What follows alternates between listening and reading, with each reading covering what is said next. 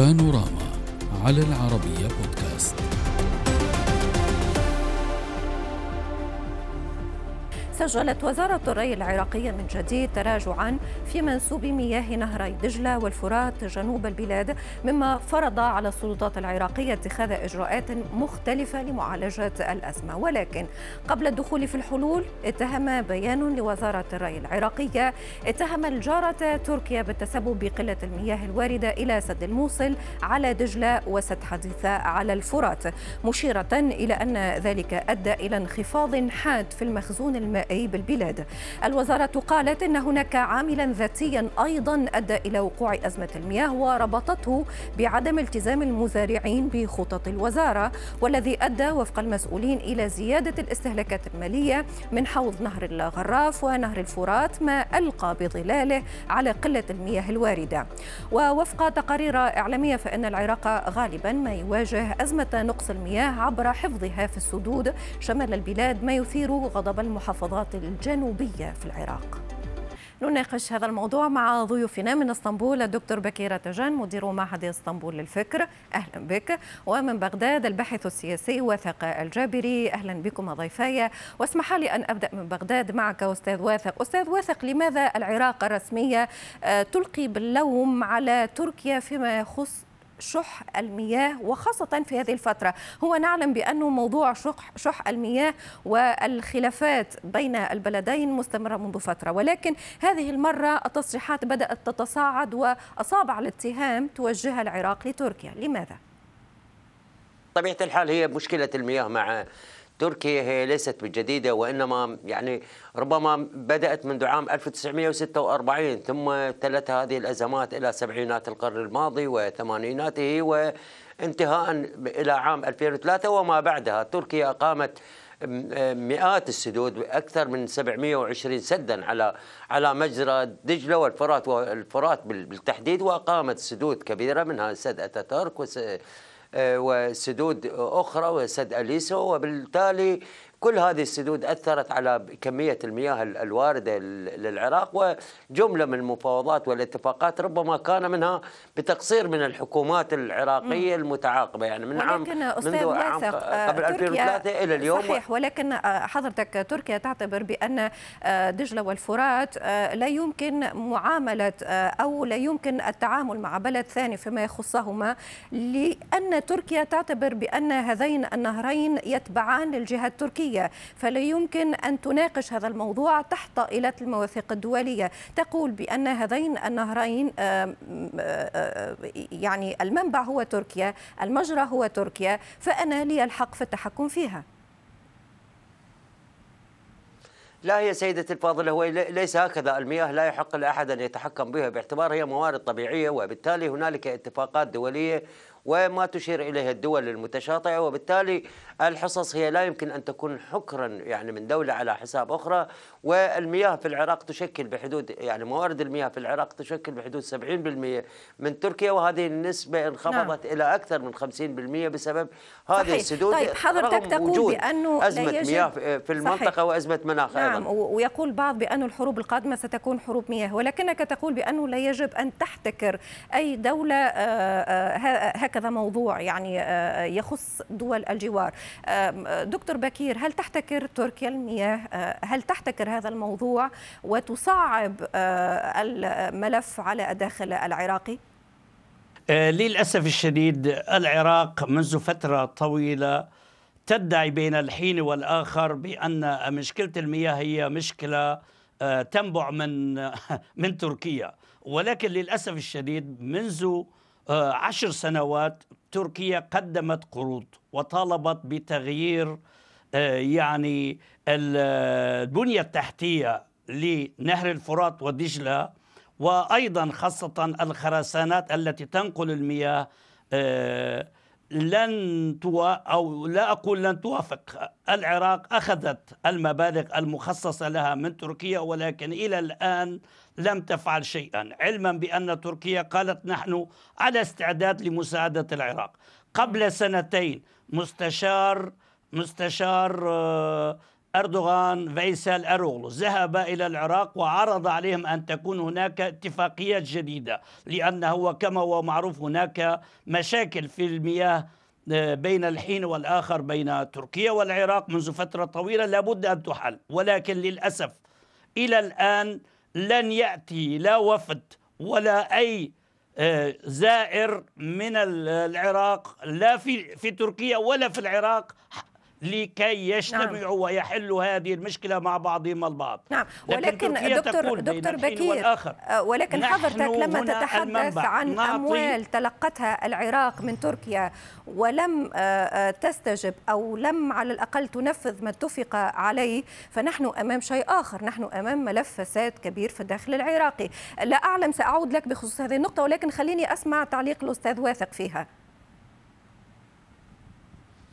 لا نعم هي تركيا لم تعطي العراق اموالا وإنما هو العراق يعني في أكثر من مرة جرب يعني أو أو حاول التحاور مع آه، تركيا وفي آخره نأتي من الأخير السيد محمد شاع السوداني رئيس الوزراء الحالي آه، اتصل بالرئيس التركي رجب طيب أردوغان ويفترض آه، أن يشكل لجنة مشتركة بين البلدين برئاسة نائب رئيس البرلمان المندلاوي ولكن لحد الآن لم تفعل. معظم الاتفاقات وأوراق العمل ومذكرات تفاهم بين الدولتين على كمية المياه لم تلتزم تركيا بحجم الإطلاقات المائية. نعم في العراق ربما هنالك ولكن أستاذ يعني واثق ضيفي يقول اسمح لي فقط المقاطعة. ضيفي يقول بأن تركيا آه، الموضوع لا يخص الالتزام من عدمه. يقول بأن تركيا رتبت الأمور على أساس تغيير البنية التحتية لهذه الأنهار وقدمت أموال وحضرتك تنكر أو على الأقل تنفي ذلك. آه، يقول بأن تركيا آه، مكنت الجانب العراقي بما يخوله القيام بتغييرات على مستوى هذه البنية التحتية ما لم تفعله العراق. العراق لديه خزانات وبحيرات كبيرة يعني يمكن أن تخزن المياه لكن أنا قلت نعم في العراق ربما طريقة السقي والري والتجاوزات على على المياه وتوزيع المياه بصورة غير صحيحة. نعم هكذا.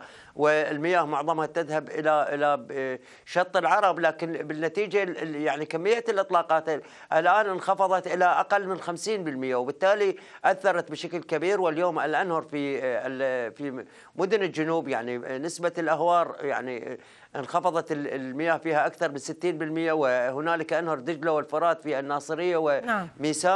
وميسان جفت يعني تماما وبالتالي هذه تأتي من من دول المنبع. مناطق مناطق ليس بسبب يعني عدم خزن المياه. المناطق الجنوبية أصبحت مناطق منكوبة تحدث عن الناصريه وهناك مناطق أخرى في محيطها يصفها البعض حتى بأن سكانها يعني آه، هجروا هذه المناطق لأنهم يعيشون على تربية الماشية. ليس هناك عشب ليس هناك مياه فاضطروا إلى مغادرة هذه المناطق وهذا موجع آه، في الواقع. ولكن أستاذ بكير آه، البعض كذلك يلقي باللوم على تركيا ويقول بأن تركيا آه، تحاول طرح معادلة جديدة.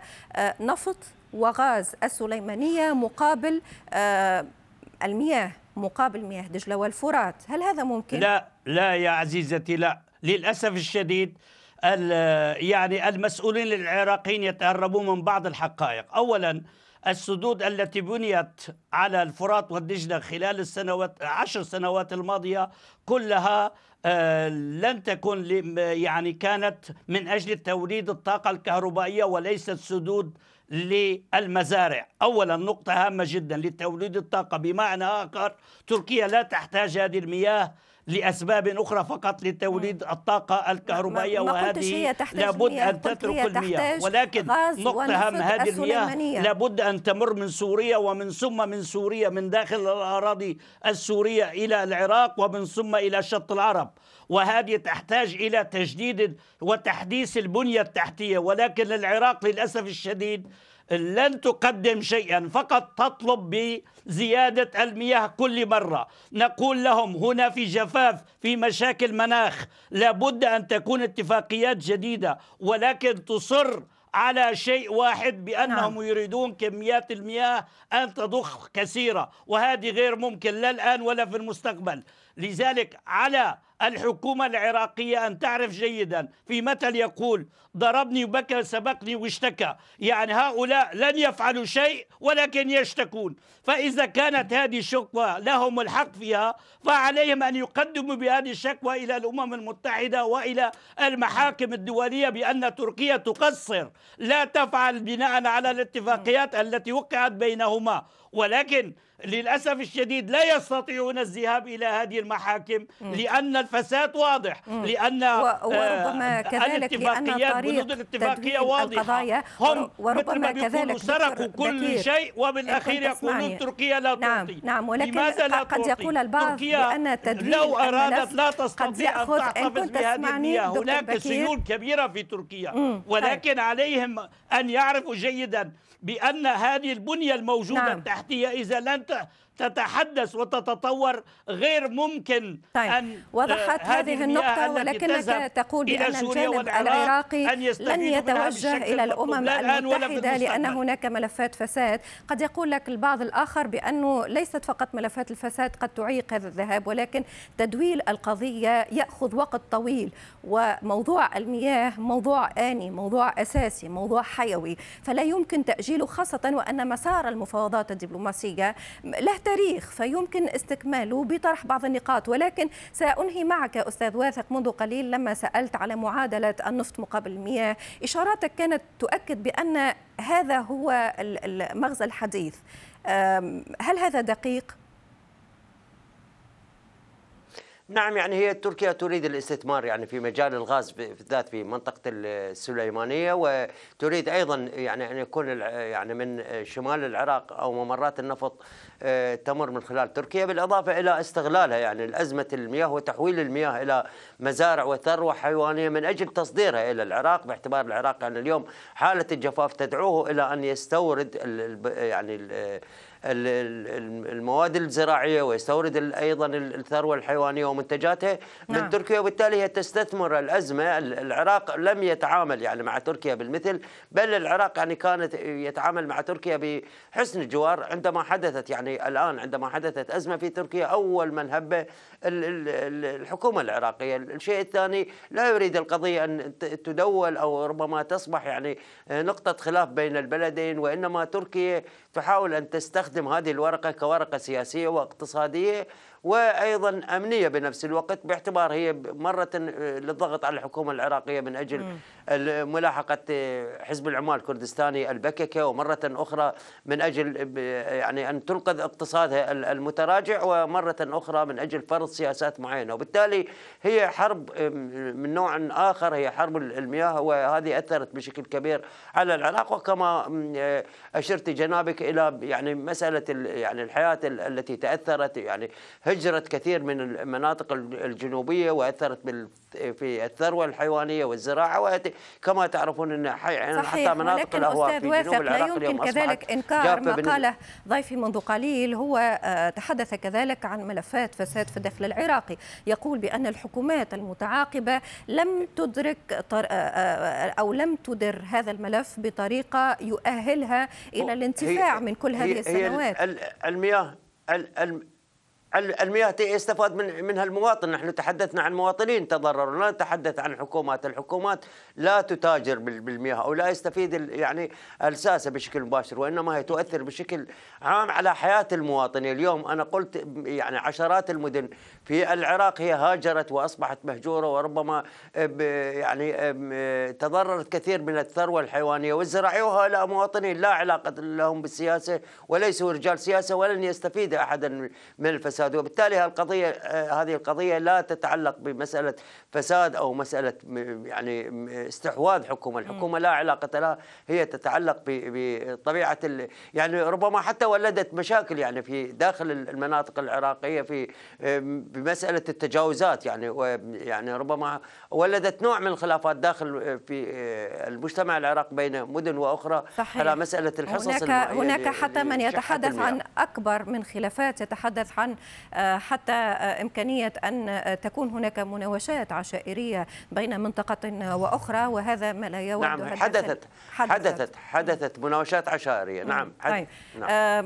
موضوع يبقى دائما للمتابعة. سأكتفي بهذا القدر على أن نعود لنستكمله ربما مع فتح أفق جديد لمسار دبلوماسي لمحاولة إيجاد حلول أود شكركم جزيل الشكر. من إسطنبول الدكتور بكير تجان مدير معهد إسطنبول للفكر ومن بغداد الباحث السياسي وثيق الجابري شكرا لكما. شكرا على المتابعة والسلام عليكم.